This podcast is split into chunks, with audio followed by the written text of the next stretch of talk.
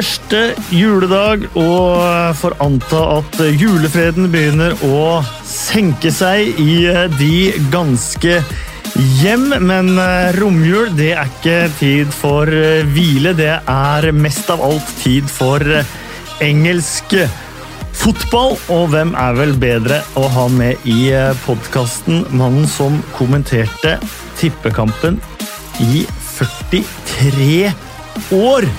Debuterte på Filbert Street med Leicester mot Tottenham i 1973, og siden ble det 122 tippekamper til fra England.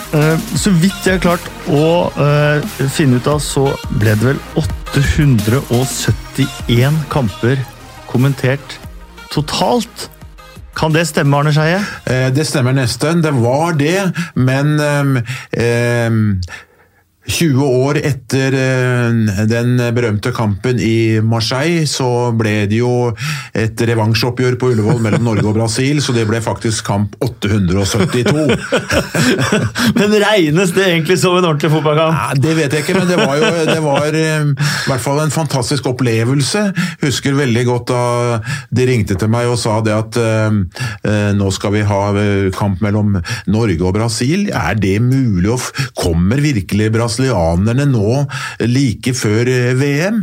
Nei, det er en reprise av, av 98-kampen. Og det ble det jo da. Det var jo Jeg trodde ingen skulle ha noe interesse av det, men det var jo eh, mange mennesker på Ullevål, og det var veldig fine eh, seertall som Det var et eller annet der som, eh, som publikum var opptatt av. Det var kanskje minnene fra 98 først og fremst. Og endelig fikk Brasil sin revansj, for de har prøvd fire ganger med, med spillere i sin beste alder. Ja, det er riktig det, men jeg vet ikke om de, apropos statistikk, om den kampen går inn på statistikken, men i alle fall det ble brasiliansk seier til slutt, ja. Eh, romjul og engelsk fotball. Ja. Hva hadde denne tida her vært uten engelsk fotball? Det kan du spørre om. og Jeg har jo et relativt, for å snakke om meg selv, da, et relativt langt liv vært interessert i engelsk fotball. og Min første reise til England var i romjula 1968. Husker det som det var i går. Utrolig. Begynte med å se Arsenal Stoke på Highbury, så Tottenham mot Nottingham Forest, så Westham mot Birmingham, dro til Manchester for å se Manchester United mot Fulham første nyttårsdag, men den kampen ble avlyst. Den ble avlyst, for det var ikke uvanlig på den tida der? Nei, det var ikke det. og, og Det er ikke så mange som uh, forstår hvorfor den ble avlyst, men jeg husker da jeg kom til uh, Manchester og fortalte drosjesjåføren at jeg skulle se Fulham United, så sa han det at jeg tror ikke det blir noe kamp i morgen. Ja, Åssen kan du si det? Se, se, rundt deg. Smog. Smog, smog ja. Smog. ja. Altså ikke underkjøling eller Nei, nei, nei det var smog. Den, da, da, var vi jo tross alt bare 19 år etter krigen. Ja. Så, og Manchester har jo vært, bestandig vært en industriby, mm. men til de grader den gangen. Og, og røyken som eh, sev, som det heter, ut av pipene med tåke, det ble smog. Uh, og Siden så har det jo vært over i mange andre i romjula seinere. Jeg, gikk litt gjennom uh, tippekampene. og sånn. Det var ikke alltid det var boxing day, men det var stort sett alltid én kamp fra romjula. NRK hadde alltid én fra romjula, men uh, jeg var aldri på tjeneste for NRK i romjula. For fra andre-tredje juledag så forberedte jeg meg bestandig på hoppuka. og det er jo en diskusjon hvilken kamp som var den beste i den perioden NRK sendte. Mange vil jo si at Manchester United West Brom i 30.12.1978 var den største. Den fikk jeg da ikke oppleve. Jeg var på vei fra Oberstdorf til Garmisch og hørte på radioen at West Brom hadde vunnet 5-3, og det var ganske overraskende. United var jo relativt bra, men West Bromwich var jo mye bedre den gangen og var jo helt i teten akkurat da. så Romjula, til ditt spørsmål. Romjula, den, den opplevde jeg stort sett ikke i England, det var i Mellom-Europa. Eh, Sånn som nå har du vært eh, pensjonist eh, noen år. Hender det at du drar over til, til England nå? Det gjør det, og jeg har vært så heldig de siste årene at jeg har fått i gåseøynene jobbe med Norsk Tipping. Så jeg har vært med eh, reiseselskaper over, kommisjonærer over, eh, sett fotball, snakket fotball, eh, utvekslet erfaringer med interesserte mennesker, og det har vært eh, veldig, veldig stort. Det var jo For to år siden så gikk jeg riktignok da glipp av eh, cupfinalen her hjemme mellom Sarpsborg 08 og, og Lillestrøm, men det var Arsenal og United, Manchester United som var, var eh, kampen i England, så det får gå. Du, gikk- du har gått glipp av én cupfinale tidligere òg. Ja, jeg har faktisk gått glipp av eh, cupfinalen i 73 mellom eh, Rosenborg og Strømsgodset. Eh, historien er eh, litt morsom sånn i ettertid, fordi at eh, da hadde jeg lagt inn et, eh, et reiseforslag, jobbsforslag, på å dra til Kansas City og møte Jan Stenerud, kickeren der borte. Jeg har fått gjennomslag for det, men eh, jeg skulle ikke reise før rundt eh, eh, begynnelsen av november, og da sa ledelsen og folk at når jeg fikk den muligheten til å dra til Kansas, så skulle jeg i hvert fall ikke ha cupfinalen på Ullevål. Jeg fikk greie meg med juniorfinalen i Porsgrunn mellom Pors og Brann. Så straffesparket til Steinar Pettersen, det fikk jeg aldri sett live på Ullevål 73. Det høres ut som du irriterer deg litt over det. Ja, etterpå så er det jo eh, litt ille. Hadde jeg det er nesten fælt å si det, men jeg gjorde en opp, re- opptelling og eh, regnet ut nå at hvis jeg hadde fått med meg de to kampene, så hadde årets kamp eh, mellom eh, Viking og Haugesund vært den 75. cupfinalen med omkamper, og det er nesten skremmende. Det er nesten alderen din, det. Ja, det er, det er i hvert fall skremmende. Hvis det er 1968, da du hadde din eh, første tur, og de turene du tar, eh, tar nå Øverste divisjon i England har jo skiftet navn fra første divisjon til, eh, til Premier League, men det, det er jo ikke den eneste endringen. det Hele opplegget rundt kampene det er ganske forskjellig. Ja, hvis du tenker på de første kampene eh, eh, ja, For det første, når jeg var, var der som privatperson før jeg begynte i eh, NRK-fjernsynet, så var det jo helt, helt annerledes. Prisene var annerledes, stadion var annerledes. Nå er det jo stort sett sitteplasser overalt. Da, da kunne vi stå i svingen og betale ei og halv krone, vi kunne stå på sidelinjen og betale litt mer, men i dag så er det jo ja, det er en helt annen verden på alle, alle måter. Og da vi kommenterte, så var, var vi jo fortsatt på stadioner som var jeg holdt på å si, bygget før eh, krigen. Og det er jo de siste årene stadionet har fått eh, et helt annet utseende, og arbeidsforholdene er helt annerledes. Vi, det hendte jo vi satt på tak og ja, Det regnet vel ikke ned på oss, men det var like før vi måtte ha på oss regntøy når vi satt der. så det er jo fremgang det er på alle områder, og her har det jo vært store store forandringer. Det er jo 50-årsjubileet til eh, tippekampen eh, nå. Eh, Vi eh, feiret jo det på TV 2 eh, også, med vår eh, tippekamp. Jeg eh, var jo og kommenterte Liverpool-Brighton der. Eh, Men dette var en svenske med navn eh, Lars Gunnar Bjørklund som, eh, som kom med ideen i eh, sin tid. Hvordan var det dette oppsto? Det oppsto på den måten eh, at han var veldig interessert i Tottenham, og reiste av og til over til White Hart Lane og, og så kamper der. Og så fikk han denne ideen da, hvorfor i all verden kan vi ikke få se denne kampen i Sverige?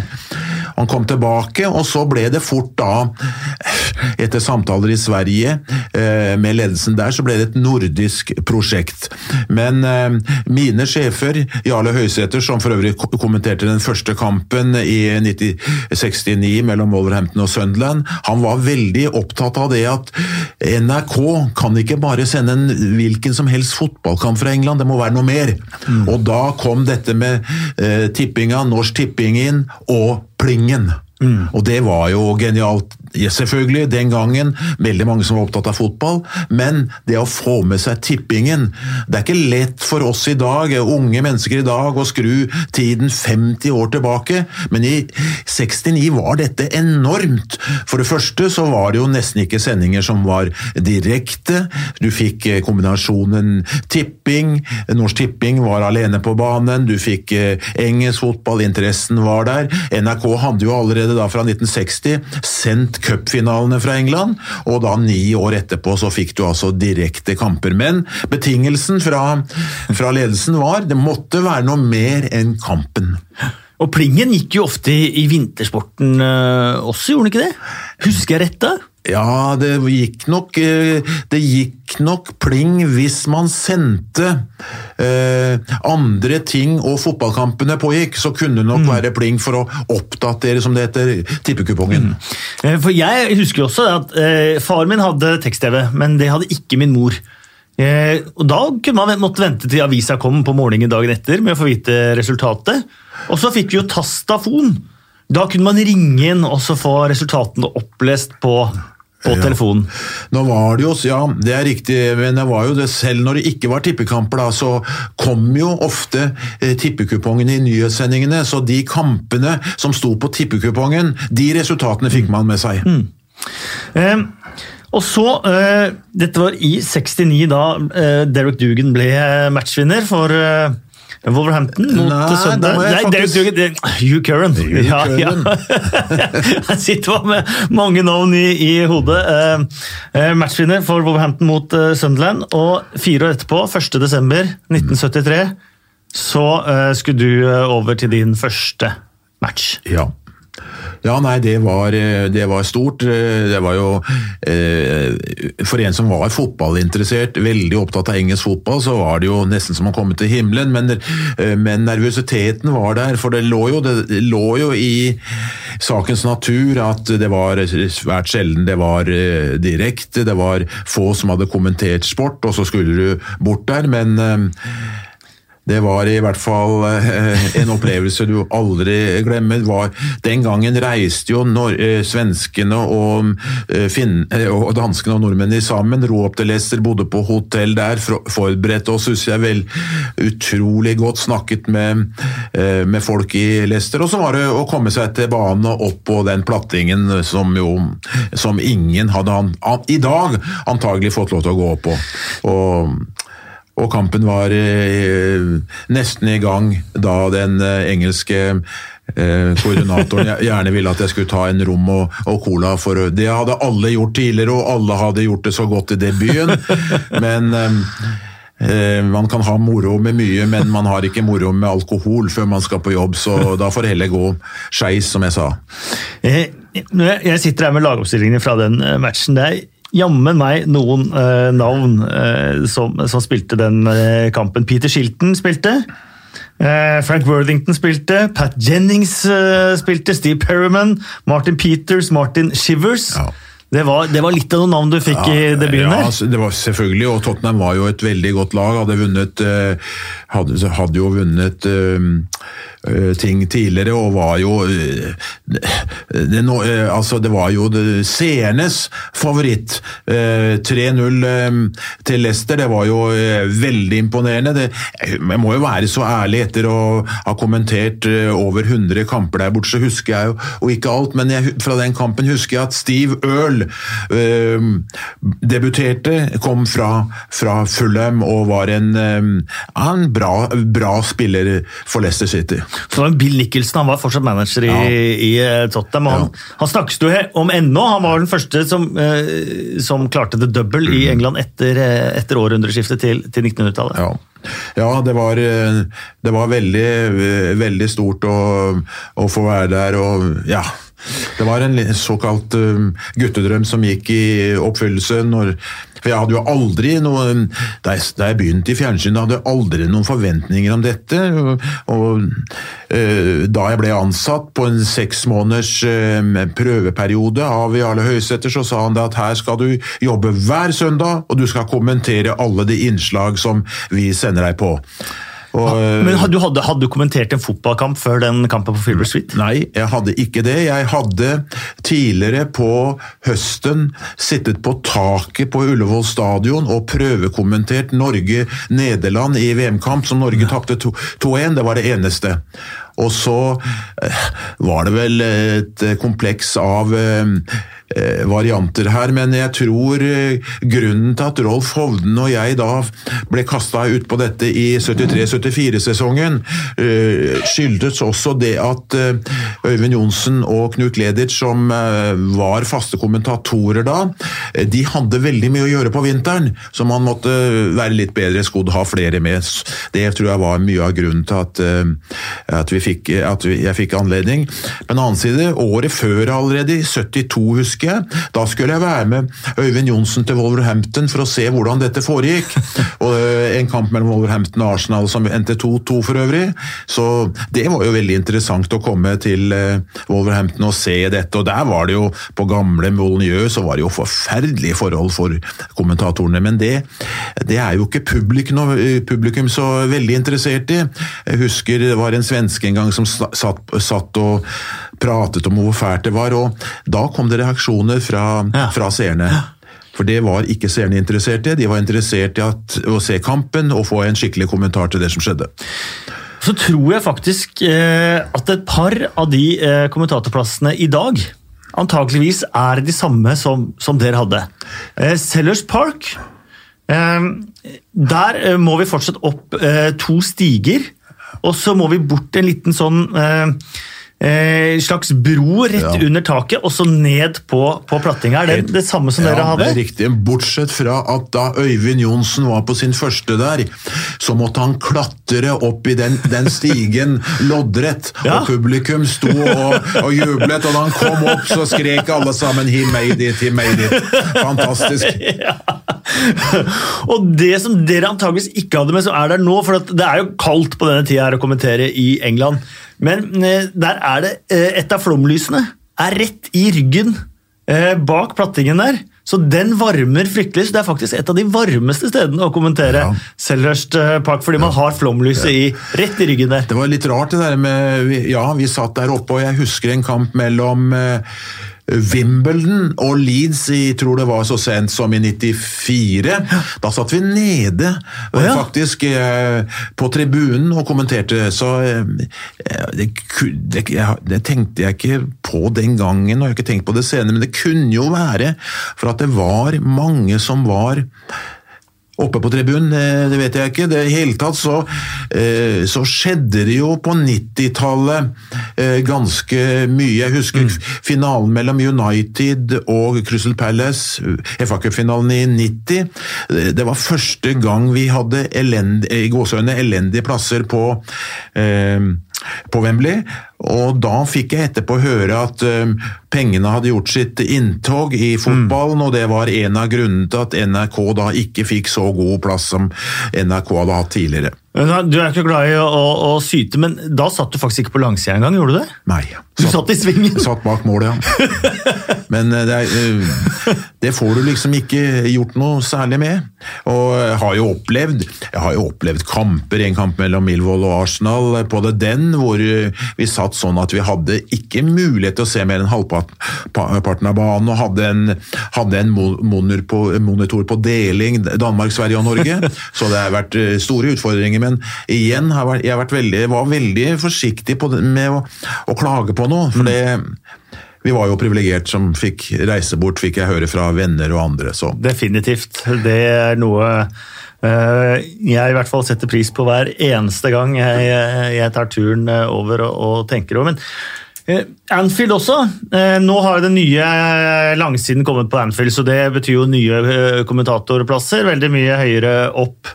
Eh, men eh, de første årene jeg kommenterte Premier League, da var, satt vi jo omtrent midt på tribunen og, og kommenterte veldig trangt. Men én gang eh, så ble jeg satt oppe på The Gantry. Ja. Det vil jeg anta var der dere, dere kommenterte. for det nå er det jo så mange som kommenterer kampene, nå er det jo fra hele verden ja. så sitter det kommentatorer, kommentatorer bortover. Så, så, jeg tror det har vært forbeholdt BBC og Sky der oppe på, på Gantry. Men for meg så var det ganske spesielt, for da kom man inn i taket, ja. og så går man på en treplanke og så en stige ned. Oppi, oppi den. Og da føler man nesten at man er 100 år tilbake i tid, når man er inne i taket på Anfield. Ja, men uh, på, på, Anfield var, det, var, vi veldig fornøyde allikevel, for det var en veldig fin oversikt. Du hadde mm. veldig god oversikt over uh, hele banen. Og, og ja, Det var ikke for å si at det var, det var fantastisk å føle at man var 100 år tilbake i tid. Men jeg kan ikke huske at vi jeg, Når jeg tenker tilbake at vi satt sammen med BBC og, og Sky der, så er det mulig at det var Men det er jo som sagt da 25, 25 år siden vi var der, så jeg skal ikke sverge på det. Men eh, plassen vi hadde, var i hvert fall utmerket. Mm. Og Everton vil jeg også tro kanskje er det samme. Der er det også en sånn treplatting mellom de to etasjene. Eh, på motsatt side av, av, benken. og Der kjenner jo du gynger når det virkelig er stemning på Goodison. Så kjenner du det i ja, kroppen fysisk. Ja. Nei, meg, det slo meg ikke den gangen jeg var på Goodison at, at, det var ille, men i dag når jeg har vært og sett kamper der, så syns jeg Goodison Park uh, er litt mindre, for å si det moderat, litt mindre moderne enn Anfield. Det er det fantastisk. Det snakkes vel nå om å bygge en ny stadion ja. nede sentralt i byen. Mm, det gjør det. Den kommer vel om to og et halvt år tror jeg den skal stå ferdig. Jeg syns jo det er fryktelig trist, det da, med, med alle de som, eh, de som, forsvinner. det. Ja, men sånn er det dessverre, da. I mange steder med ja, Sunderland er jo et godt eksempel mm. på det, nye bane. og ja, så eh, det kreves jo mye i dag for, eh, for å ha mm, convenience, ha skikkelige forhold, så mm. ja. ja. Når vi snakker om bane, har du noen favorittbaner? Nei, det, altså, Favorittbaner var de stedene hvor du hadde skikkelig oversikt. Ja. Og så har jeg jo sagt bestandig eh, at um, nå var jo etter hvert uh, NRK, Sveriges Radio og Danmark i den situasjonen at vi fikk mange kamper på Anfield, og jeg syns det var veldig hyggelig å komme til Anfield. Mottagelsen vi fikk fra uh, den gamle sekretæren uh, Robinson uh, osv. Og, og, og vi visste vel kanskje at det å komme til Liverpool var jo det største for, i, på 70- og 80-tallet. Mm. Det var ikke elleve mesterskap Liverpool vant, det var jo, det var jo tiårene for Liverpool, så alle, alle ville jo gjerne dit. Et lite morsomt poeng var jo det at vi fikk jo denne, denne listen over um, mulige kamper um, til NRK en par uker før kampen. Og det var bestandig sånn at vi, Gleditsch, undertegnede Hovden og Øyvind Jon, vi gikk jo ofte for de beste, i de beste kampene. Mm. Men svenskene hadde den der innstillinga at du skulle se så mange lag som mulig. Det var en jobb vi bestandig hadde. Jeg kan jo forstå dem òg, men eh, der var Danmark og Norge var nok mer på linje at vi må ha de beste, eh, selv om det aldri ble noe kontroverser med Sverige. Men det var bestandig diskusjoner, husker jeg, eh, etter hvert. da. For de første årene så var det jo slik at vi bare fikk anledning til å sende kamper fra Midt-England. Mm. Så etter hvert så, så, blir det litt eh, løsere der i kanten, og vi fikk muligheten til å komme til eh, Nordvest-England, til, eh, til, London, over hele England. Eh. Du snakka om eh, forberedelser. Eh, nå har vi jo internett. Ja. Eh, og nå får vi også sånne pakker tilsendt fra England med, med, statistikk og alt mulig. Hvordan gjorde dere det?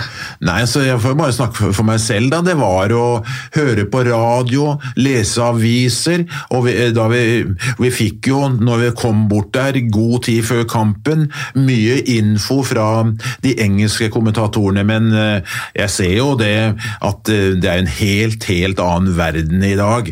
Eh, fordelen den gangen var jo at det var bare, jeg får si, bare spillere fra Storbritannia og, og eiere, og at uh, det var, var, Du visste jo stort sett lagoppstillingen når du dro mm. bortover. Det kunne, som den første kampen jeg hadde i, i Leicester, var spørsmål skulle, skulle vi få en ny spiller på Leicester.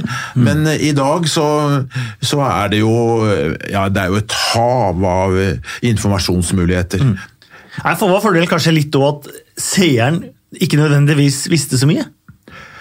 Nei, men det gjør, det gjør vel eh, aldri seeren. Altså, For nå kan jo alle sitte med Hvis du kommer med, med, noe som helst I dag så sitter jo alle både med internett og har sett alle ja, kamper, ja. alt mulig. Det er så, riktig. Det er så seeren i dag jo, har jo langt mer kunnskap, kanskje? Ja da, det er klart at etter å, ha- kjørt kamper fra England i over 50 år, så er jo den harde kjerne vet jo selvfølgelig veldig, veldig mye mer, og etter hvert da NRK begynte å sende, så, fikk, så poppet det opp med supporterklubber, og nå er det jo over 150 000 som er medlem av supporterklubber, så det er klart at det er en helt annen verden, på godt og vondt. Eh, og så slo det meg, for jeg var på min første kamp i England. Det var 87-88-sesongen. Det var Norwich mot Luton. Eh, Norwich leda 2-0 til det gjensto tre minutter. Det ble 2-2, dessverre. Jeg var knust den, eh, den gangen. Men det betyr at jeg har, jeg har programmet fra den eh, tiden og, og fremover. For jeg vil anta at vi er ganske like. Du, du kaster heller ikke så mye. Nei, altså, det, jeg, kaster, jeg kaster ikke program. Jeg har Nei. alle programmene fra Leicester-kampen og utover. Jeg husker jeg var litt uh, irritert i, i, i fotball-VM i Argentina i 78, for da var det et sted, jeg tror det var Mendoza, da fikk jeg ikke lov til å beholde adgangsbilletten min. Det, det irriterte meg litt. Ja. Så de har du også, alle. ja, jeg har nok Der, der vi fikk det. Der. Etter hvert så var det jo slik at vi, vi hadde jo ikke alle steder billetter på VM-kamper, EM-kamper osv. Men jeg tar vare på det først og fremst for. Ja, det er, eh, det er morsomt å, å gå tilbake og se det at de første kampene da kosta det faktisk ei og halv krone å se matchen. Og i dag så har du problemer med 1000 kroner i mange kamper. Ja. Jeg tror da jeg var på Norwich QPR, det må ha vært i 1990 eller 91, det var første gang jeg var på ståtribunen bak mål. Og da var jeg fortsatt på tror fortsatt jeg var på baren. Da betalte jeg tre pund i telleapparatet. Ja, det var mye. Ja. Det var mye den Så, gangen. ja. Eh, nei, for I programmene her så ser jeg at dette her er jo uh, en tid før internett, så må det være fantastisk med, med forberedelser. Nå var det ikke- sikkert ikke alle programmer som hadde dette, men du fikk elveren til begge lagene bakpå programmet. Det, det, sto eh, det sto en elver, men så kom jo forandringene. Ja. da. Men du har, jo, Også, du har jo Norwich, og det var jo spesielt, for der var jo informasjoner om, om spillerne. Det Ja, for Der fikk jo- du en setning eller to per spiller. Det må jo ha vært gull hvis dere kom et sted og det var i programmet. Jeg kan aldri huske det. Jeg har jo vært i Norwich en par ganger og hatt uh, kamper. og eh, det var jo, Jeg hadde jo kamp der i, mellom Norwich og Sutton. Cupkamp uh, 9-0 var det vel. Åtte? 8-0, 8-0, ja. Og, og det var faktisk eh, nesten sånn mediehistorisk, det òg. For det var en av de første kampene vi hadde, hadde med sidekommentator, og sidekommentator var selveste Åge Hareide. Som da var skadet, eller eh, ja, var, var i hvert fall med meg. Jeg tror vel eh, Egil Olsen eh, var den første, med Kjell Kristian Rike på We- Westham Wimbledon i jula. Apropos jula, 86. Det tror jeg var den første sidekommentator. Eh, og dere hadde jo 24 timer eh, med tippekamp Ja. på NRK i forbindelse med 50-årsjubileet, men ikke Norwich 17. Nei, altså det er eh, Jeg skulle kanskje ikke eh, nevne det, men eh, folk forstår jo det at de første år, ja, For å begynne med det, de første årene alle kampene ble slettet. Og det var vel ikke noe vond vilje fra noen, men de båndene kampen var på, tok jo en par, en par, par bånd tok jo et rom. Som, eh, jeg husker På mandagene så var det bestandig spørsmål hva kan vi stryke fra, fra helgen. Og da røyk tippekampen. Nei, 17 eh, Nei, det er jo Det er tidenes største tippekampseier. Ja, det er det, men så er det jo det hva er, en, er du tilbake til det hva er en god fotballkamp og sånt? Når, når, det, når det begynner å bli 7-8 eller 6-7, så er det kanskje ikke så interessant. Og alternativet der forsto jeg på det, mine kolleger var var den eh, kampen mellom eh, Leeds og Liverpool med, med ni skåringer, 4-5, og noe av grunnen til at den ble valgt, var jo selvfølgelig Ja, det at det var var to av de beste lagene, mest populære lagene. Ja. Nei, Norwich 17 den husker jeg veldig godt, fordi at uh, Norwich var jo nesten Jeg syns jo Norwich aldri var på tippekamp.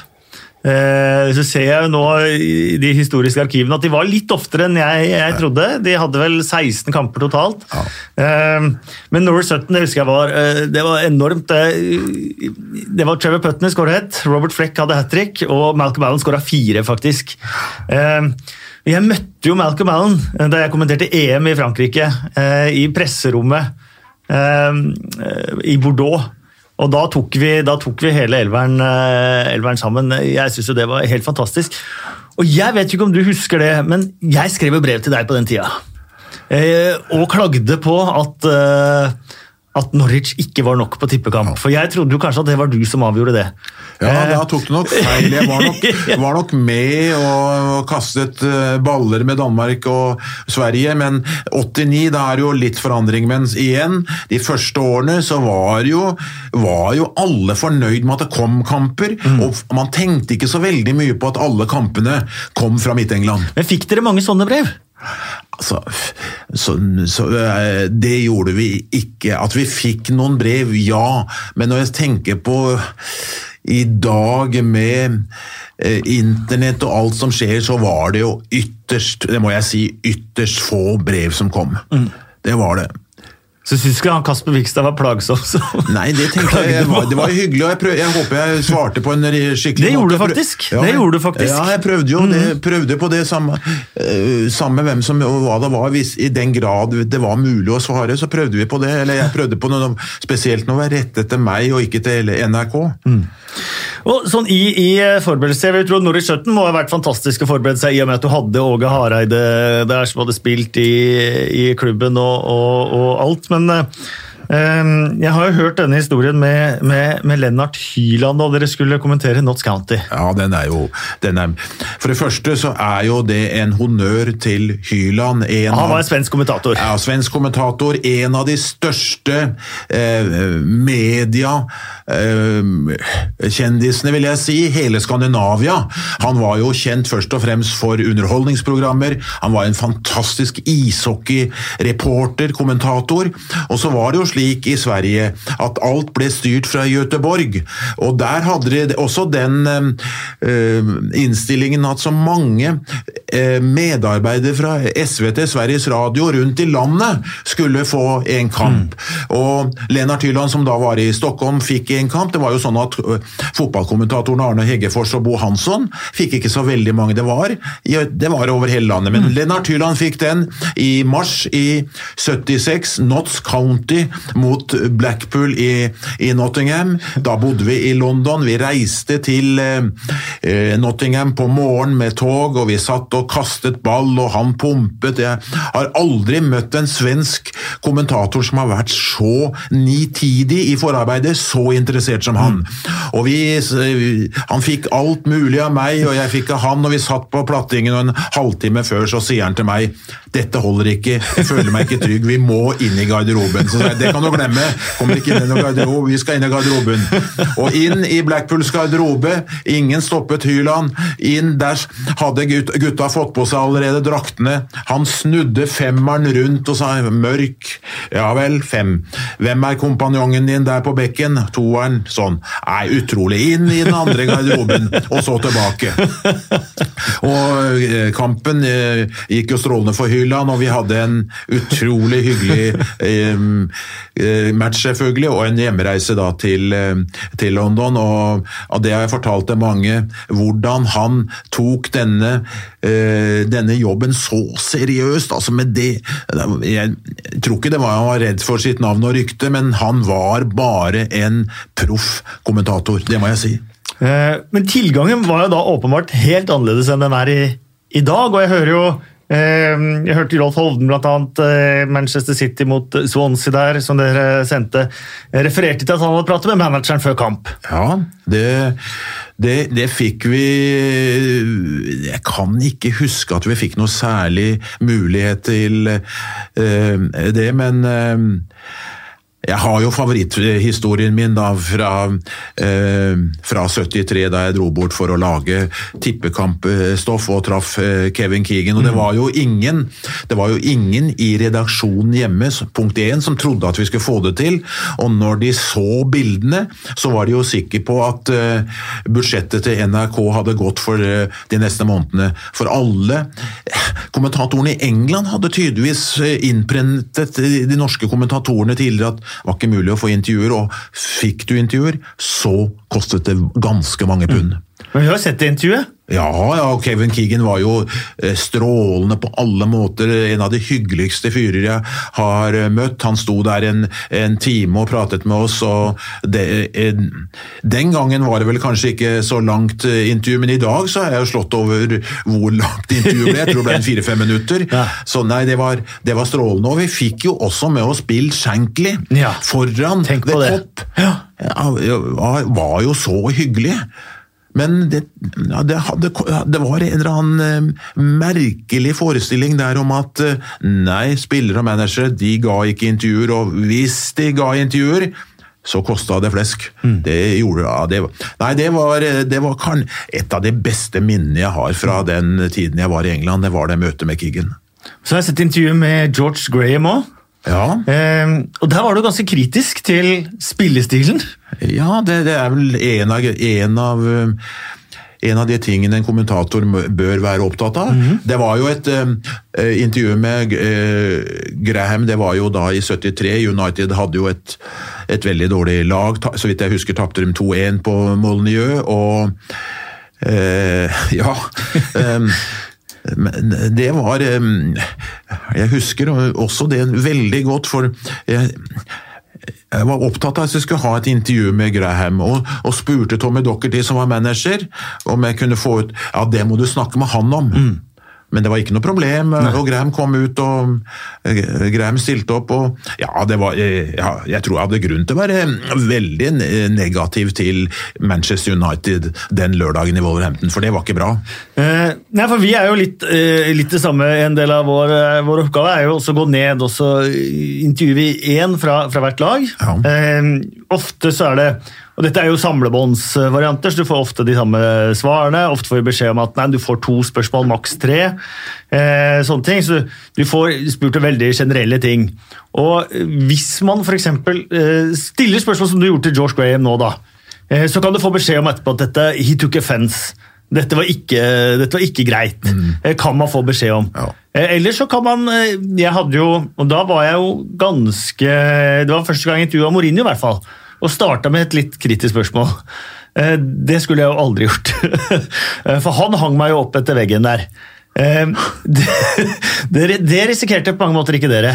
Nei, jeg kan kan ikke huske at vi hadde de problemene. Altså, dette var, dette var en um, rundtur, jeg sagt. Jeg gjorde for Jeg var med til Leeds og dekket uh, kampen mellom Leeds og Strømsgodset. Det var jo da en onsdag, og var igjen da i England til søndagen. Og var først i Leeds. Det var, var ikke noe problem. Jeg vet ikke hvor kritisk jeg var. Det var jo Den gangen så var det jo mest på en måte å få se spillerne, se dem eh, prate. For at eh, det ikke så mange unge i dag vet, det var at de første årene med tippekamper, da var det bestandig i pausen og etter kampen en representant for Norsk Tipping som satt i studio og snakka om tippekupongen og kampen. og Oddvar Moen var jo ofte i studio. Oddvar Moen, som kanskje ikke alle vet hvem er, han var jo medlem av uke- og uttagningskomiteen i Fotballforbundet. Så i tillegg til at han jobbet i, en, i Norsk Tipping og satte satt opp kampene på kupongen, så hadde han en bakgrunn som veldig fotballinteressert. Han satt der, men etter hvert så husker jeg vi sa Da hadde jo jeg kommet dit og hadde forslaget skal vi ikke lage noe fra England, skal vi ikke ha noe? Og så var det jo stort da når jeg kom til Leeds, og de tok oss imot som bare det dagen etter at de hadde spilt mot Strømsgodset. Og så dro vi videre til Liverpool og ned til Midt-England og, og kampen på lørdag mellom Wolverhampton og, og Manchester United. Og der eh, hadde dere leste en, eh, en eh, på en måte assistent. Hvis jeg sier Peter Di Palma, Ja, hva sier du da? Da sier jeg det, Peter Epama sier jeg det. Det var han som skulle ha meg til å drikke rom og cola før kampen i, i Leicester. Det var han som var med rundt i ettertid, så har jeg ikke skjønt hvorfor egentlig han var med. For, han, øh, for, for, for Før kampene var jo vi veldig opptatt av lagoppstillinger, er det noe nytt? Det brydde han seg ikke om. Brydde seg ikke om noe. Han øh, Jeg fikk høre når jeg skulle på første kamp at jeg måtte ha med Kong Haakon-konfekten. Det var liksom det eneste. og, og han, var var, altså, var til, ja, han var ikke interessert i fotball. Jeg veit ikke om han var interessert i, i TV, men han var, gjorde, hvert, så vidt jeg husker, ingenting for oss kommentatorer. Det er kanskje stygt å si, men uh, vi greide oss godt uten Peter De Palma. Men han var altså eh, han var altså den derre kanalen fra, fra TV-selskapet ATV som hadde rettighetene i Midt-England. Og eh, Han fikk deg ikke engang inn på, på Hybris, du fikk forberedt deg, så du måtte på, på puben en gang. Ja, det er eh, riktig. Jeg husker det, var eh, Det var Ja, det må ha vært på begynnelsen av 90-tallet, så fant jeg ut at, det, at jeg kunne ikke reise før lørdag til England, men det gjorde jo ikke så mye, for vi skulle jo til, eh, til Highbury, så det var bare å ta eh, T-banen inn og så forberede seg. Men vi fikk altså ikke lov til å komme inn. og det var vel like mye Arsenals feil som Peter de Palma. Jeg mener, det, det hadde jo aldri skjedd i Liverpool. Men, eh, men du ble sittet da på, på puben sammen med syngende supportere som, skulle, Ja. som også forberedte seg på sin måte til Ja kamp. da, det var, var altså Fotballsupportere er bestandig hyggelig, men det blei jo litt eh, Kanskje litt lite forberedelse, for eh, det var hele tiden forstyrrelse fra disse supporterne. Men det, det var greit. Men jeg hadde gjerne, eh, når jeg ser tilbake, hatt lyst til å komme inn i presserommet, sette meg ned der, prate med folk og forberede deg. Men det gikk vel sin gang, det òg. Eh, En, en eh, kamp vi må uh, prate bitte litt om, det var vel 77-78-sesongen, Liverpool-Middlesbrough uh, på Anfield. Ja. Uh, du leverte, men det var vel kanskje det, Ja, det vel det, som- det eneste, for det er det ingen som ingen som, vet. det er ingen som vet om jeg leverte, og det er vel egentlig ingen som vet om jeg kommenterte, men jeg kommenterte nå 90 minutter, men um, ikke et uh, ord hjem til Norge, og det var egentlig litt rart, for når vi hadde med oss eh, en innspillingsleder bestandig, som det heter, oppe på plattingen, og var det problemer, så var regelen, punkt 1, hører vi ikke Oslo, så begynner vi å, å kommentere på avspark. Og jeg husker så godt eh, Innspillingslederen hadde tommelen oppe liksom ti minutter før, fem minutter før, eh, 15 sekunder før, så jeg regna med at alt var i orden, men begynte på avspark. Og da jeg kom på hotellet etterpå, skjønte jeg at, jeg, at noe var i gjære, for da ingen hadde hørt noe. Det var litt, litt, litt vemmelig også, for jeg var litt uggen den morgenen, men jeg sa jo da jeg snakket med Oslo på telefon før jeg dro til Anfield at uh, alt kommer til å gå greit, for når du kommer der og får, og får dette over deg, så eh, så får du kommentert, men eh, det var litt rart, for at jeg husker dagen uh, Middlesbrough-laget bodde på samme hotell som oss, og uh, snakka med Jackie Charlton. Jeg husker hvordan han var opptatt av Tom Lund, og hvor eh, fantastisk han var, og han ville gjerne ha han over og alt det der, der. så hadde mye å fortelle fra Jackie Charlton, men ikke noe kom altså til Norge. Nei, så den var det rett og slett Eivind Johnsen som satt i studio og kommenterte? Ja? Hvem som satt i studio, det husker jeg ikke, men da ble den jo kommentert fra, det var fra studio. Det var jo, vi hadde jo det som regel at det måtte sitte en i gåseøyne fotballmann i studio, for man kunne jo oppleve at uh, lyden ble borte, som den jo ble i første tippekamp som Jarle Høysæter hadde. Det er kanskje ikke en kjent uh, historie, men Jarle Høysæter dro jo over for å forberede seg i Wolverhampton på Wolverhampton og Sunderland, men på fredag fikk han høre det at det kunne, av noen bestillinger, det kunne bli problemer med lyden. Så hva gjør du? Han valgte å dra tilbake og kommentere i Oslo. Det han ikke da selvfølgelig visste, det var at eh, det var ikke bare lydproblemer, men det var jo eh, problemer med bildet. Bildet ble borte i mange minutter, men da Hugh Curran skåret, så var bildet der, så det ble jo et historisk øyeblikk, da 1-0 til, eh, til Wolverhampton i den første tippekampen NRK sendte. Så har vi vært innom eh, Leeds-Liverpool. Da var det også problemer med lyden. Eh, Leeds, Liverpool, ja, det var et Var det der du måtte stjele en eh, telefon? Nei, det Nei. var, det var ikke Nei, Leeds-Liverpool var jo en fantastisk eh, match. 4-5-kampen. Nei, det var, en, det var vel en kamp på Det var en kamp jeg, hvor jeg stjal en telefon fra en, en engelsk pressemann. Det var på Stamford Bridge. Det var på Stamford Bridge, det, Ja. ja. Eh, men du kommenterte hjem på telefonen, rett og slett? Ja, jeg måtte gjøre det. Det, det var jo et nødstilfelle, men jeg, det hadde fungert eh, relativt bra, fikk jeg høre etterpå. Jeg vet, Og- re, men regninga gikk jo da til, eh, til avisa, så jeg vet ikke hvor fornøyde de var, da. Nei, for på den tida der, Nå er det jo EU-priser og alt det Ja. der på telefon, men da var, det, da var det dyrt å ringe fra Oslo til, til Trondheim. da. Og fra Ja, var- England til, til Norge var det i hvert jeg vet ikke prisen, men, eh, men jeg følte at på en måte så reddet jeg, reddet jeg situasjonen med å, å ta den der telefonen, da. Så, så der, med andre ord, der satt vi altså eh, blant journalister den gangen. Mm. og Apropos det, for det, det har jeg lurt, lurt på, og det lurte jeg enda mer på eh, da jeg så denne 50-årssendinga. Eh, når dere fikk inn plingene, hadde dere da telefonkontakt med banene i England, eller hvordan fikk dere vite resultatene?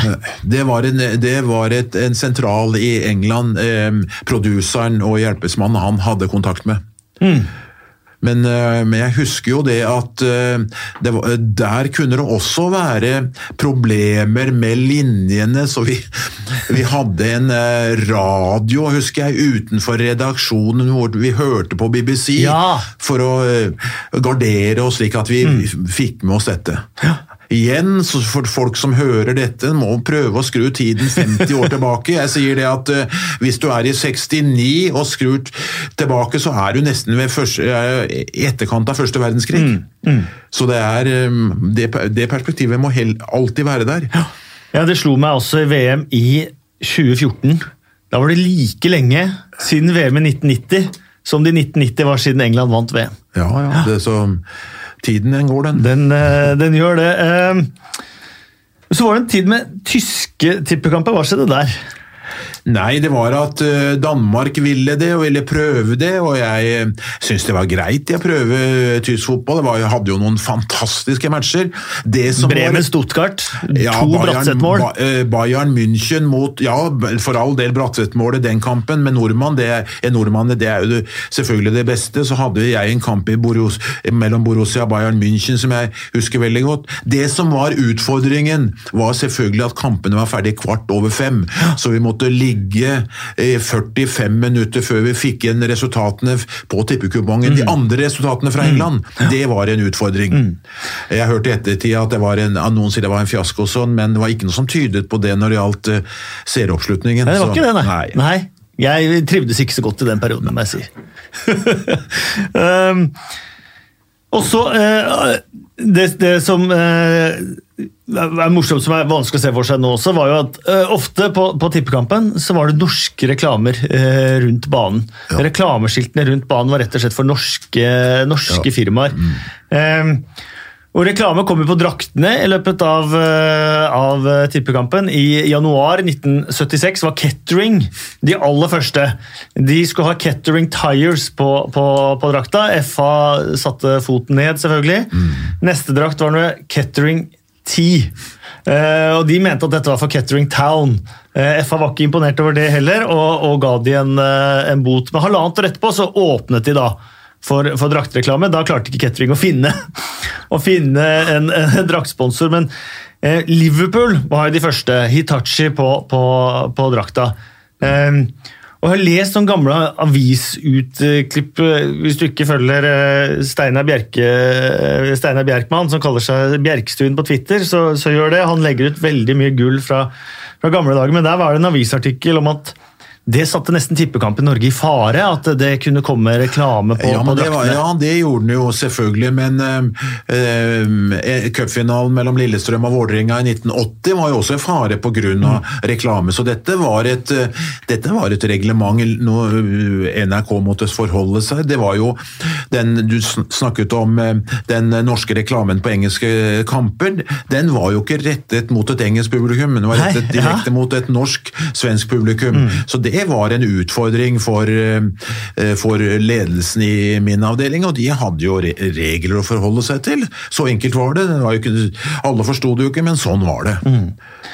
Ehm, og det var jo også grunnen til at man kanskje ikke annonserte tippekampene i god tid i forveien. Det er helt riktig, og, men så vet du jo selv, da i 69 og utover, så var det ikke noen journalistisk eh, eh, bedrift å få greie på hvor dette var. For det at eh, utstyret og det Engelskmennene kom jo ikke til kampen på lørdag, de dro gjerne på torsdag-fredag. og eh, Men det var, sånn var det. altså Vi fikk beskjed om at dette kunne ikke NRK gå ut med før på lørdag. Jeg husker jo personlig en gang jeg skulle ha en Queens Park Rangers-kamp eh, og dro over for å forberede meg der, og så fikk jeg greie på på fredag kveld i, i London at det var overdynget på Loftus Road med norsk eh, skandinavisk reklame, så det var bare å dra til Midt-England og ha en kamp i Coventry. Oh ja, så, så, reklamen snøyt QPR-fansen for, ja, for, en match der? Ja, den gjorde faktisk det, altså. Mm. Jeg husker jeg syntes det var kjempestas jeg, da jeg var liten, å se, se, norske reklamer på engelske, engelske baner. Ja, det um, Og vi var også inne på, på, på, på forberedelser der, eh, så vidt. Eh, også uh, Rotmans. Det må jo ha vært en, en god kilde til informasjon. Altså en tjukk som en bibel, eh, med eh, all statistikk, eh, eller i hvert fall all basic statistikk. Fra forrige sesong. Fra forrige sesong, ja. først og fremst. Nei, mm. det er klart Rottmans.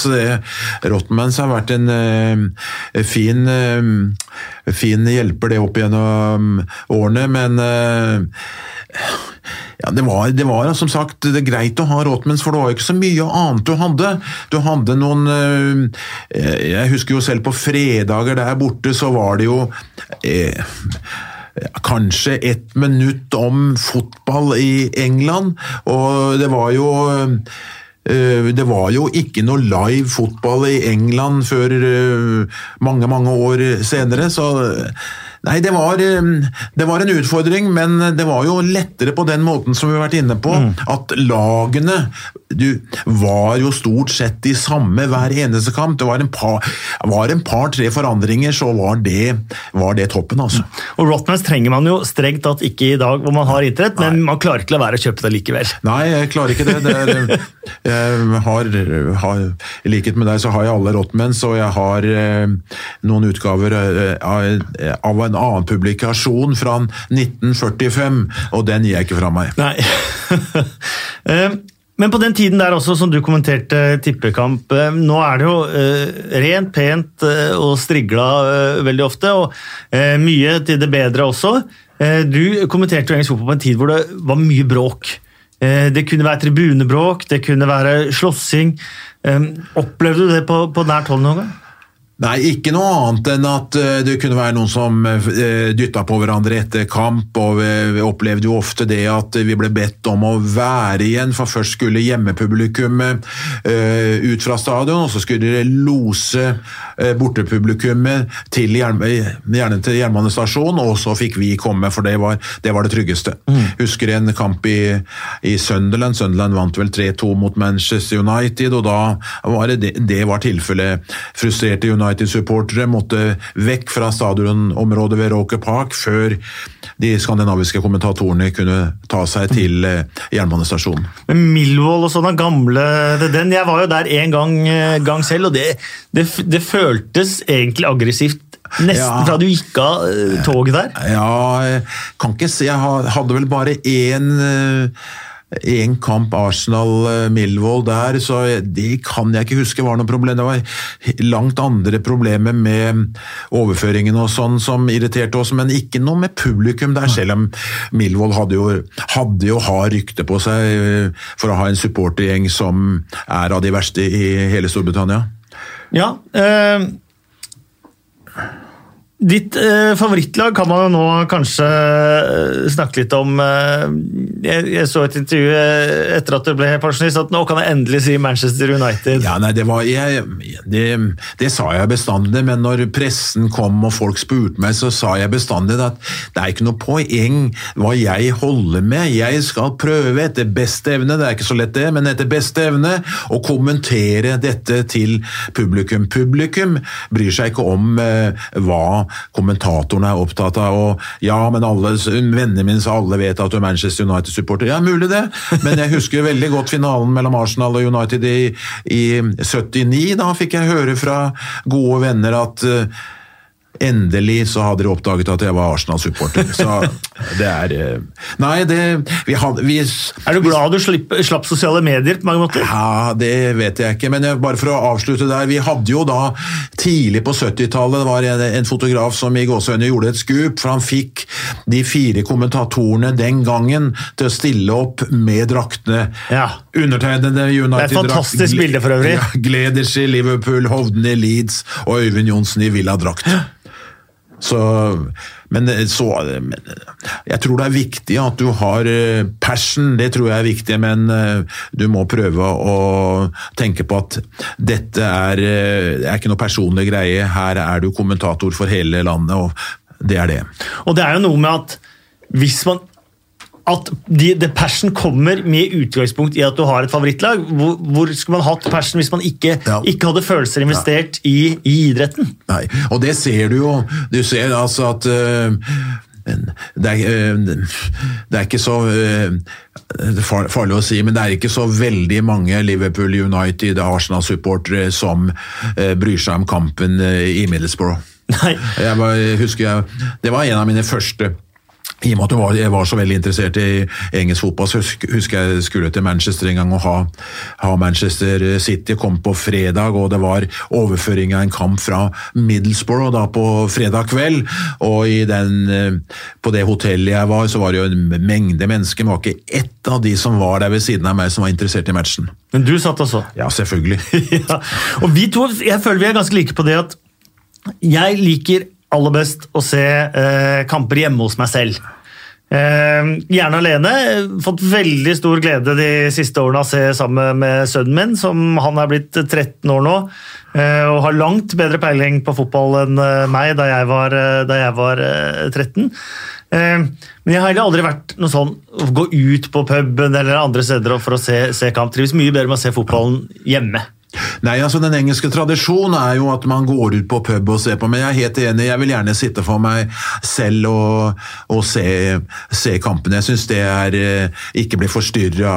Jeg vil gjerne få med meg eh, detaljer og ting, og offsider og annulleringer og you name it. altså. Det, sånn har jeg vært bestandig. og ja, det får ikke gjort noe med. Vi har et fra, uh, vi har et par spørsmål fra, fra, fra Twitter når vi, når, vi når vi, er, inne på det. så uh, Vargas12 spør på Twitter Hei, jeg vet at Arne Skeie er Manchester United-fan, men kan han ha en liten svak spot for Wolverhampton? Vargas er Wolverhampton-fan. Han sa en gang på sending under en Wolves-kamp da det ikke gikk så bra, at alt ligger til rette for dette tradisjonsrike laget. De har gode fans, flott anlegg og rik eier. Ja, nei, altså... Jeg ja, men jeg, jeg, jeg, har veldig sans for mange klubber, og spesielt der jo du har du Minnene, de, de, sitter der. Men jeg skal vel eh, Jeg tror vel ikke Wulfs er eh, toerlaget, for å Nei. si det sånn. um, vi skal etter hvert komme inn på um, din tidenes elver av spillere du har kommentert i, uh, i uh, England. Um, Eh, vi trenger ikke si etter hvert engang, vi, kan, vi kan ta det nå, eh, nå Arne. Du, du, kommenterte altså tippekampen i mange, mange år. Eh, vi var innom noen av navnene du hadde allerede i din debutkamp som Eh, bare der så ville det jo vært eh, spillere som er på manges drømmelag. Nei, det er klart at den, eh, Unnskyld at jeg avbryter, men det er klart at dette er jo en eh, vanskelig øvelse å sette opp et Det blir jo veldig, veldig personlig, og det blir privat og alt det, men mm. det er klart at eh, det er, eh, det er, veldig veldig mange gode spillere. og eh, Du spurte om å sette opp med mitt lag, og det har jeg for så vidt gjort. Men det er bare en liten, heve, det er en liten hake ved det. Det stopper jo da 95, eller mm. ja da NRK ikke hadde tippekampene fra toppdivisjon lenger. Så mm.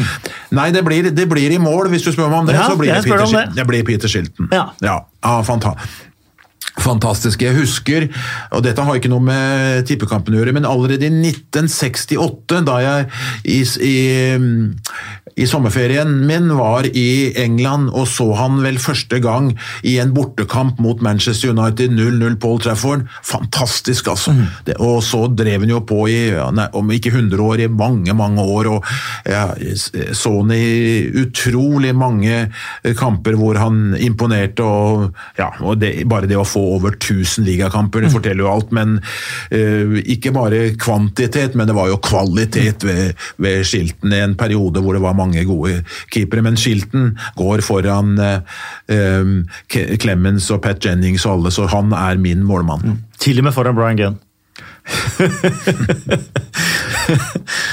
Ja, Forsvaret? Ja, Dette er jo uh, min, min, tid som kommentator på tippekampene. Det er på 70- og 80-tallet. Og når jeg skal være uh, helt ærlig og prøve å være objektiv, som jo ingen er, så blir det jo veldig mange Liverpool-spillere. Mm -hmm. Og høyrebekken blir Phil Neal, som jo uh, spilte i 100 år, han og var stødige til de grader. Finner ikke noe bedre alternativ. Vi hadde en konkurrent til ham, men han er da dyttet på venstre bekk, og det er Ipswich Mick Mills. Mm.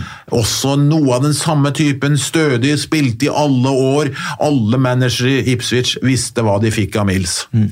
Det er altså venstrebekken, og eh, midtstoppere ja, Tony Adams gir seg selv. Mm. Fantastisk spiller. ja. Det er ikke mer å si om Adams. Jeg har beundret Adams i alle år og gjør det fortsatt.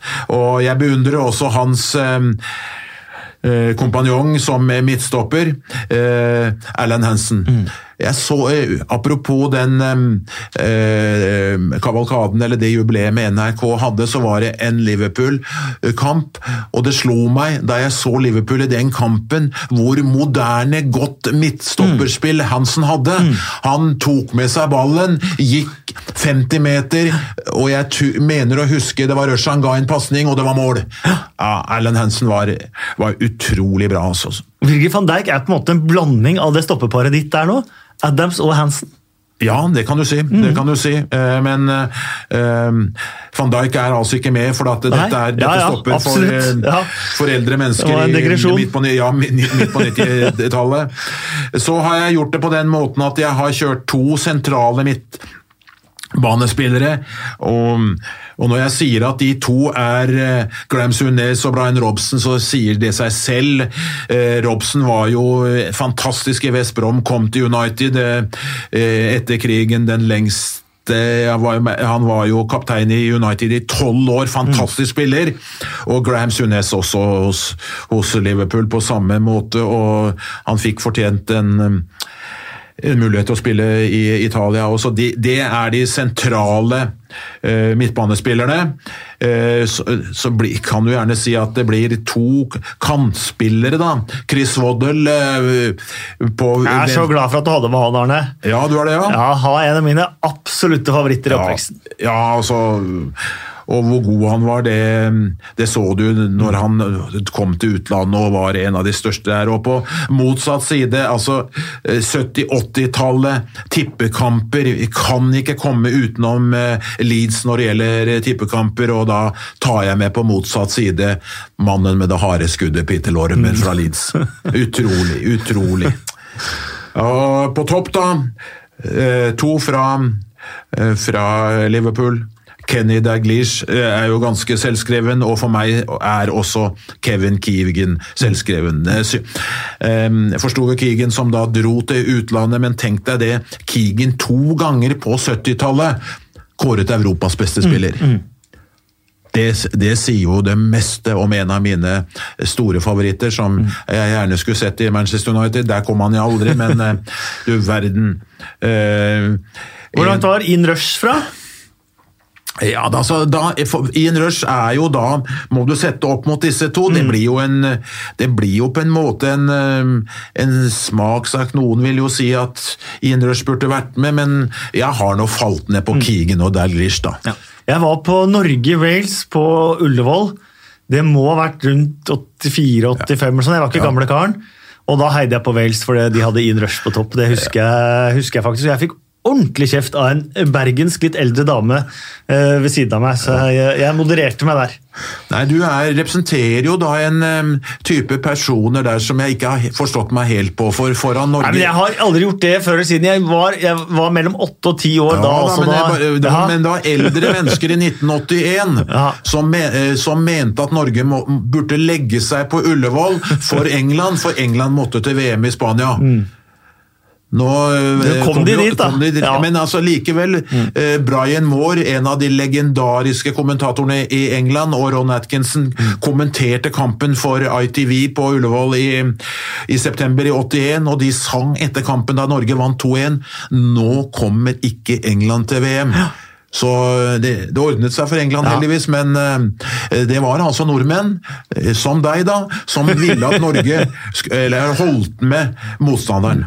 For å gjenopprette mitt gode navn og rykte her nå, Arne, så sto jeg i VG-svingen da vi slo England 2-0, eh, og jubla og dansa eh, da både eh, Jeg husker Bohin-målet, for det kom rett foran oss der i VG-svingen. Var det Leonard som skåra det første? Ja. Det var det, ja. Det var det. Mm, mm. Så, så det var den gangen jeg fikk min lærepenge av den bergenske damen ved, ved siden av meg som sa at jeg kunne ikke sitte på Ullevål og holde med Wales, selv om de hadde in, in rush på, på topp. Nei, men det er klart at eh, Som jeg sa, da, det, det å sette opp en elver fra den tiden er ikke lett. og Han ville jo selvfølgelig vært inne på, eh, på en eh, reserveliste, men eh, igjen, som jeg sa, falt ned på to andre Liverpool-spillere, Keegan og Dalgish. Og ikke Malcolm Allen. Hadde du noen andre enn Malcolm Allen som skåret fire mål i noen Nei. tippekamp du kommenterte? Nei, det hadde jeg, hadde jeg nok ikke. Uh, eh, vi, og vi tok vel den, så vidt jeg husker, så dette er jo noen år siden, 30 år siden, jeg mener å huske at vi valgte Norwich 17 fordi at 17 hadde slått ut Coventry i runden runde før. tre, Ja, Mm. Trodde at det skulle bli en sensasjon der, men det ble det jo da ikke. Nei, og det var jo en, det var jo en stor, stor stor sensasjon, bare for å sette det i perspektiv. Eh, Coventry hadde vunnet FA-cupen halvannet år før. 17 slår de ut 2-1. Og jeg tror ikke at et eh, såkalt conference- eller non-league-lag slo ut et Premier League eller et øverste divisjonlag før Luton gjorde det med Norwich, faktisk, for fem-seks år siden. Nei, det, det var en fantastisk prestasjon, og, det, og um, skandinaviske TV-sjefen, eller vi da som uh, bestemte dette, været vel en sensasjon, og uh, tok oss derfor til uh, Norwich i den kampen. Men Norwich var gode den sesongen. De havna på fjerdeplass, men de var jo med helt fram til mars. Og Jeg trodde at det var tippekamp på NRK, Norwich mot Liverpool, som var en sånn liten sånn, Da var Liverpool kommet fra dypet og, og var plutselig i toppen. Norwich var i ferd med å miste litt form. De måtte egentlig vinne den kampen eh, for å fortsatt henge med i toppen. Tapte 0-1. Ronny Whelan, matchvinner. Men så så jeg denne boka som du ga ut i 2003, at der sto ikke den kampen. Så den må kanskje ha gått på TV Norge eller et eller annet? Ja, eller kanskje til og med på uh, SVT på Sverige. Ja. For NRK ga, uh, prioriterte jo vinteridrett, og det kan være en av grunnene. grunnene. Kanskje den gikk på svensk TV, faktisk. Ja, det er sant. Jeg har alltid tenkt at det var en NRK-tippekamp, så jeg trodde kanskje at dere hadde en liten feil i oversikten i boka, men det, det er lett å gjøre feil med tall og navn, men uh, jeg tror vel men dere sendte vel ikke noe særlig etter mars? Og dette var 1. april? Nei, etter mars eh, sendte, sendte NRK aldri eh, tippekamper. Og da er nok det årsaken. Ja. Ehm, kommenteringsfaget, vi har snakket litt om fotballen og, og tribunene og stadionene og, og, og sånn. Eh, Jeg begynte vel å kommentere nå for tolv år siden, tror jeg, og kommentert Premier League på tiende, tiende sesongen. Eh, Hvordan har kommenteringsfaget endret seg fra du startet til nå? Ja, det er, jo, det er jo et langt kapittel. For det første så eh, Jeg var vel inne på det tidligere at eh, først i 86, altså etter eh, 17 år, så var den første sidekommentatoren med. Og eh, sidekommentatorer kom jo ikke fast eh, vel før sesongen 92-93. Så det er jo den største forandringen, at i dag er det to stykker som kommenterer. Og det er jo interessant, det. det eh, den gangen så hadde jo engel, de engelske kommentatorene aldri med seg en, en ekspert. Nå var det jo litt, er det vanskelig å, å, å, å, sammenligne med England, for da vi var der borte, så var det jo slik at fra 64 hadde BBC Match of the Day med høydepunkt på lørdagskvelden. Mm. ITV, som, kampen, eh, som, hadde den kampen vi hadde, sendte jo bare tre kvarter neste dag. Mm. Så det var jo ikke noe behov der, sa engelskmennene til meg, å ha med sidekommentator. Eh, det er litt interessant det, for jeg, vet, jeg har ikke fulgt med så godt i Tyskland nå, men inntil i fjor i hvert fall, så kjørte jo tyskerne bare på én kommentator. Ja, og vi gjør jo ofte det, ja. eh, fortsatt på, på, engelsk. Og så har vi, eh, har vi, sidekommentator noen ganger, og spesielt på de store kampene og, og sånt noe. Eh, nå skal du få et eh, litt sånn eh, dårlig, dårlig gjort-spørsmål. Men, men, hender det at du sitter og, og, og ser fotball fra England og, og hører på f.eks. meg? da, og sitter og irriterer deg? Nei, det gjør jeg ikke, for at alle har jo sin måte å kommentere på, og jeg vet veldig godt det der Jeg irriterte meg jo veldig selv over meg selv hvis det, hvis det var slip of the tongue. Ja. Ja, hvis du, du, forstår hva du mm -hmm. mener mhm. med det. Altså, hvis du sier, opplevde noen ganger det at du skulle liksom gjøre en konk uh, konklusjon på første omgang, og her står det fortsatt 1-1, som var 1-0. ikke sant? Sånne, sånne kommer, mm. og det, det, har jeg veldig forståelse for. og eh, Nei, jeg irriterer meg ikke over andre. alle.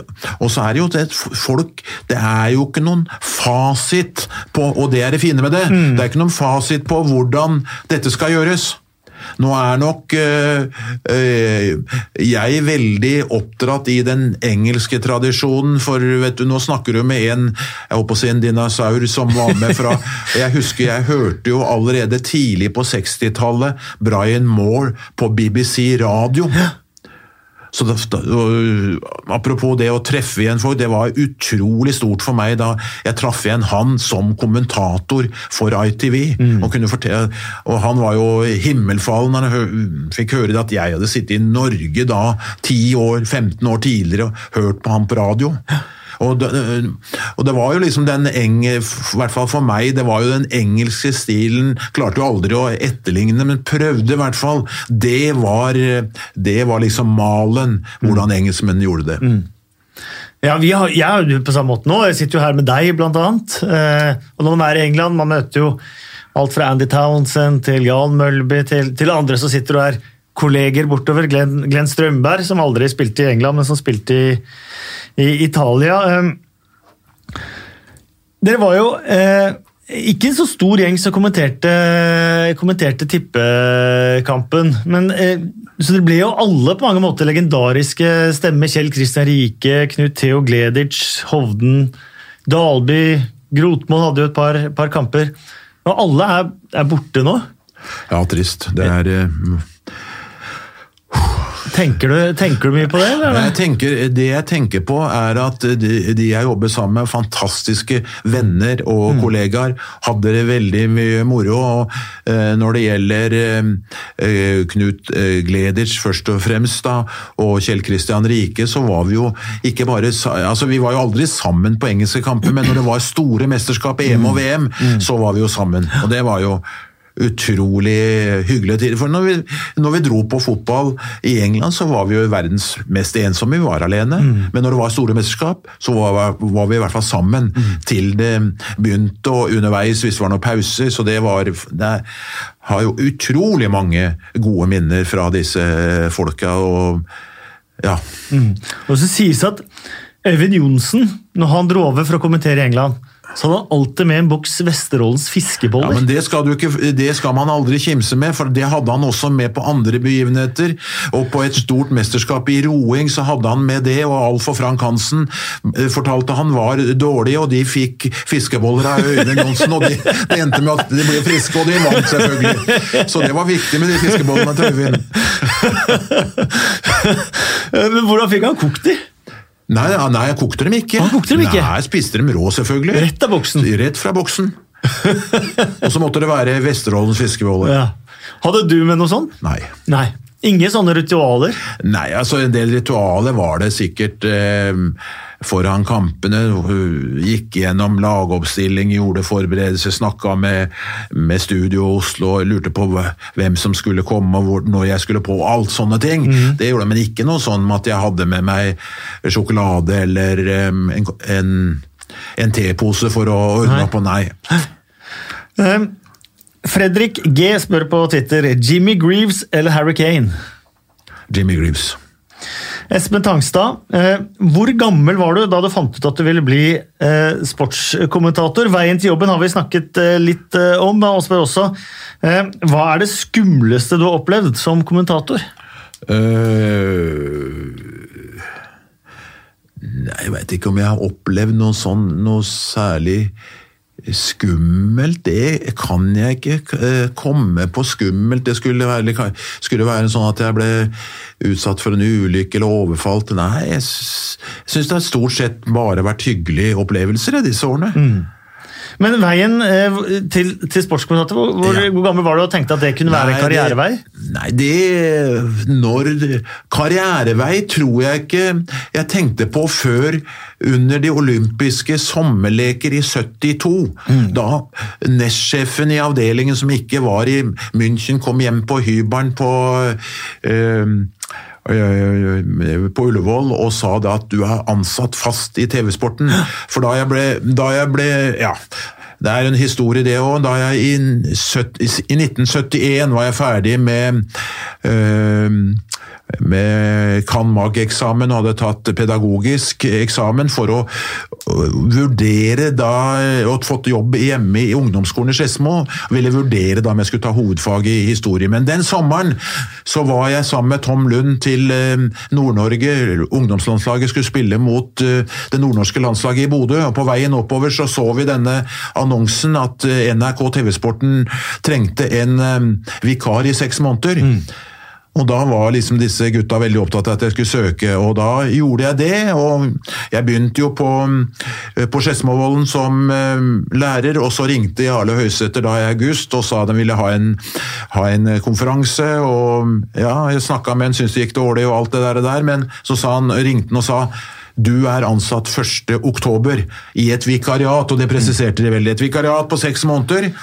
Og Da tenkte jeg ikke noe på at det var noe mer enn det vikariatet, og så hadde jeg noe å falle tilbake på. Jeg hadde denne utdannelsen og skulle eventuelt ta hovedfag, men den sommeren da, så ble det, dette seksmånedersgreiene litt forlenget, og så var det en fast stilling som ble lyst ledig, og den søkte jeg på, og, og nestsjefen kom altså hjem til meg da under OL og sa at nå er du fast ansatt. Og da begynte jeg vel å lure, ja, kanskje blir det mediemenneske av meg, og ikke skolemenneske.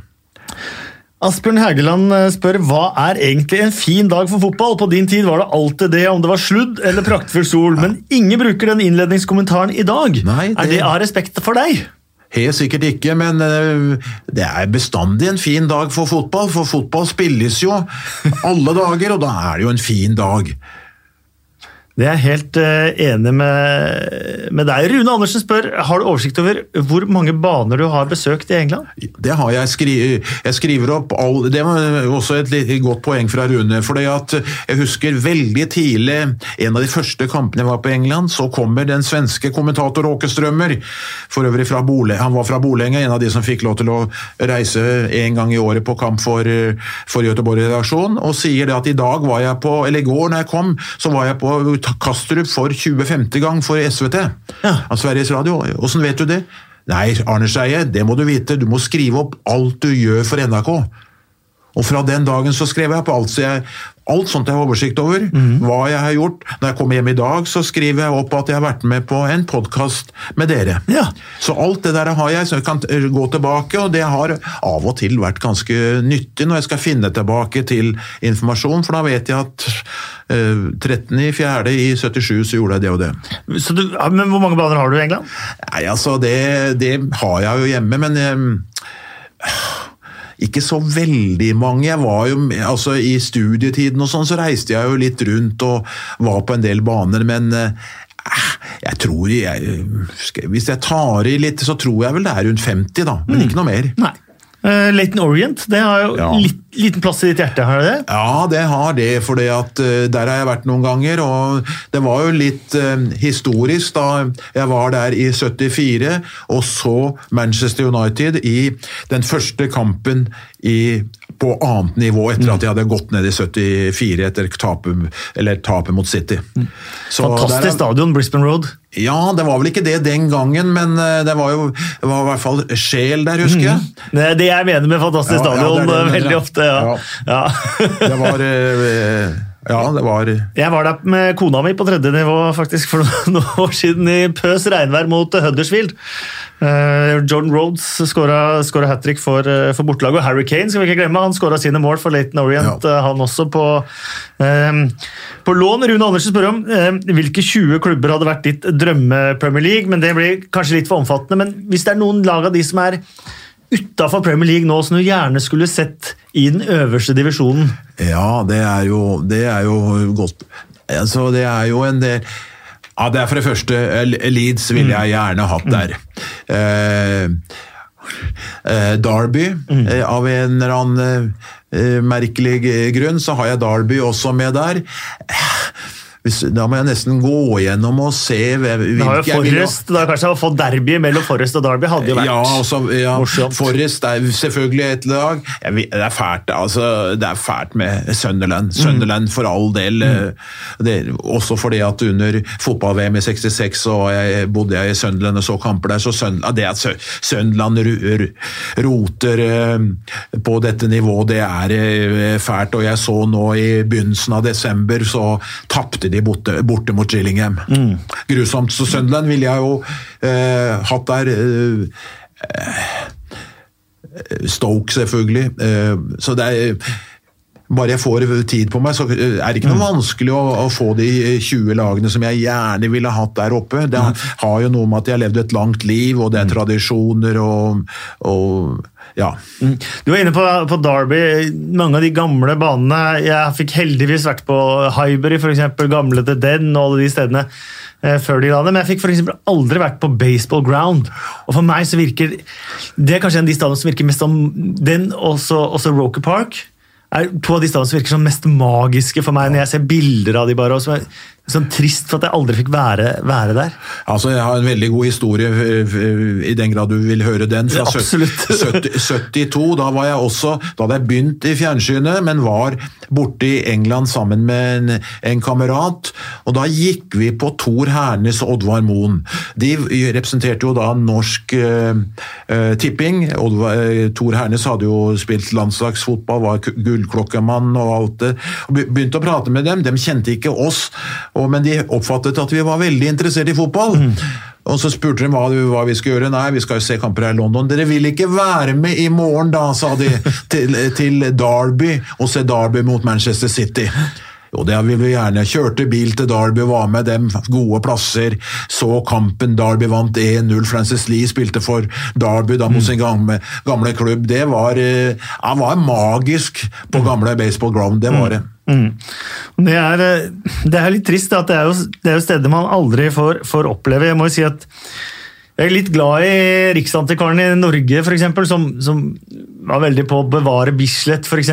Ja. Eh, noe sånt har du jo kanskje ikke i England. Man kunne kanskje ikke gjort det heller, og bevart disse gamle, gamle badene. Det, Jeg vet ikke, Nå er det lenge siden jeg har vært i Leicester. Filbert Street er den jevnet. Jevnet med orda, ja. Og Highbury er leiligheter, det, May Road er borte, Ninian Park, Roker Park De er borte, alle sammen. Ja. Dedell. Alt er, eh, alt er revet. og det, det jeg er litt trist, er at noen av disse stadionene bygges jo på samme ser ut som modul. Sånn som eh, King Power Stadium til Leicester og, og St. Mary's til Southampton er jo det er prikk like stadioner. Det eneste forskjellen er jo fargen på setene. Og sånn var jo ikke, sånn var jo ikke stadionet gamle. Alle, alle stadionene hadde sin, sitt eget særpreg. Ja, for all del, det hadde de, og det var Nei, dette er jo både historie og kultur og øh, nostalgi og alt mulig, så det er klart vi som har opplevd den Dette er, det er ikke så moro å øh, å komme til steder hvor øh, du ikke engang finner de gamle stadionene. Nei, det, det, er, det er det ikke. Vi, eh, vi nærmer slutten her, eh, Arne. Uh, du er jo nestor eh, innen eh, det faget jeg bedriver. Eh, hvis du skal gi noen, noen råd eh, både til meg, og så får jeg også noen ganger spørsmål fra, fra folk som gjerne drømmer om å bli kommentator. Hva, eh, hva er dine råd?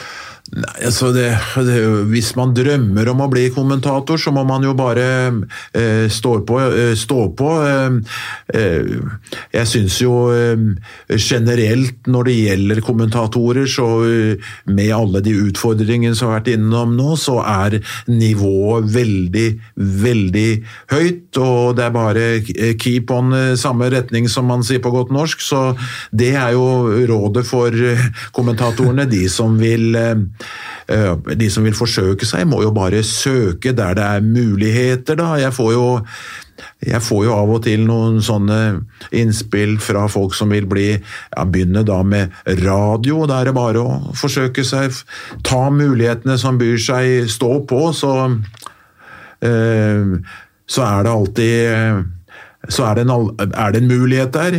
Jeg må jo si selv at uh, jeg var jo utrolig heldig. Ak akkurat det, det, året var jeg ferdig med, med studiene og fikk den, fikk den, muligheten. Hadde aldri tenkt på dette å bli kommentator, selvfølgelig, men det datt nedover meg, og jeg tok den, fikk den, som sagt, den muligheten. Men uh, i dag så til de etablerte så er det bare å si igjen keep on. Det, jeg syns det er veldig høyt nivå på kommentatorer i Norge, om det være seg den ene eller andre idretten. Og ja, de unge må bare gripe eh, sjansen og, og stå på, så åpner det seg alltids noe for enhver.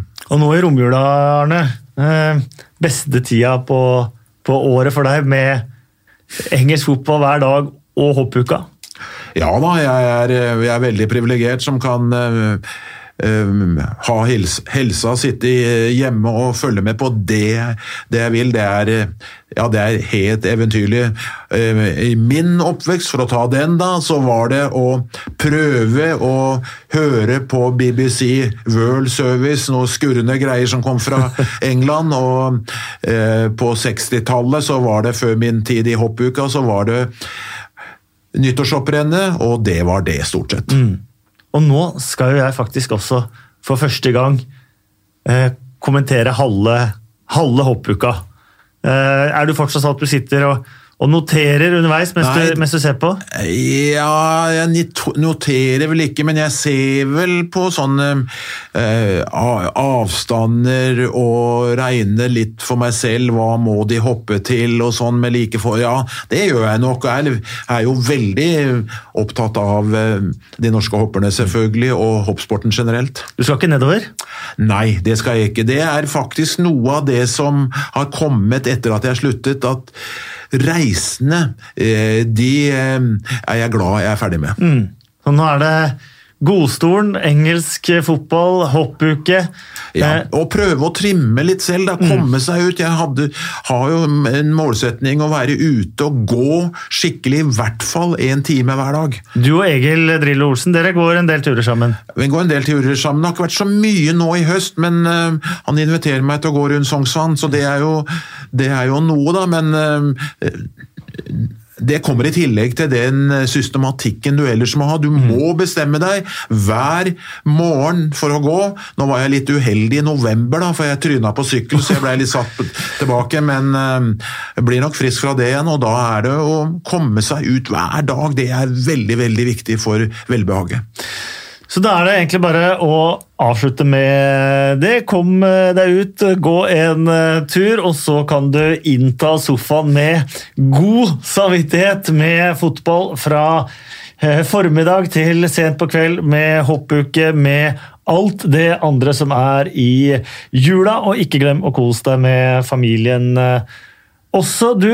Det var Vi snakker om å ha privilegier her. Det var et privilegium å ha deg her i podkasten, Arne.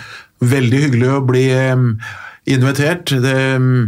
Jeg har prøvd i et langt liv å være ydmyk og setter veldig veldig pris på dette at jeg fikk komme til deg.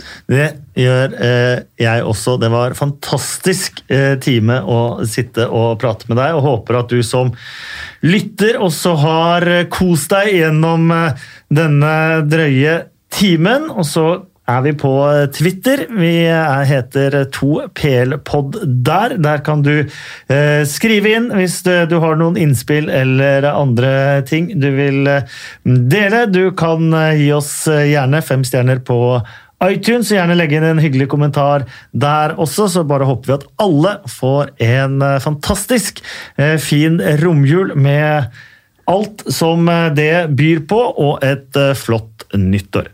Takk for nå.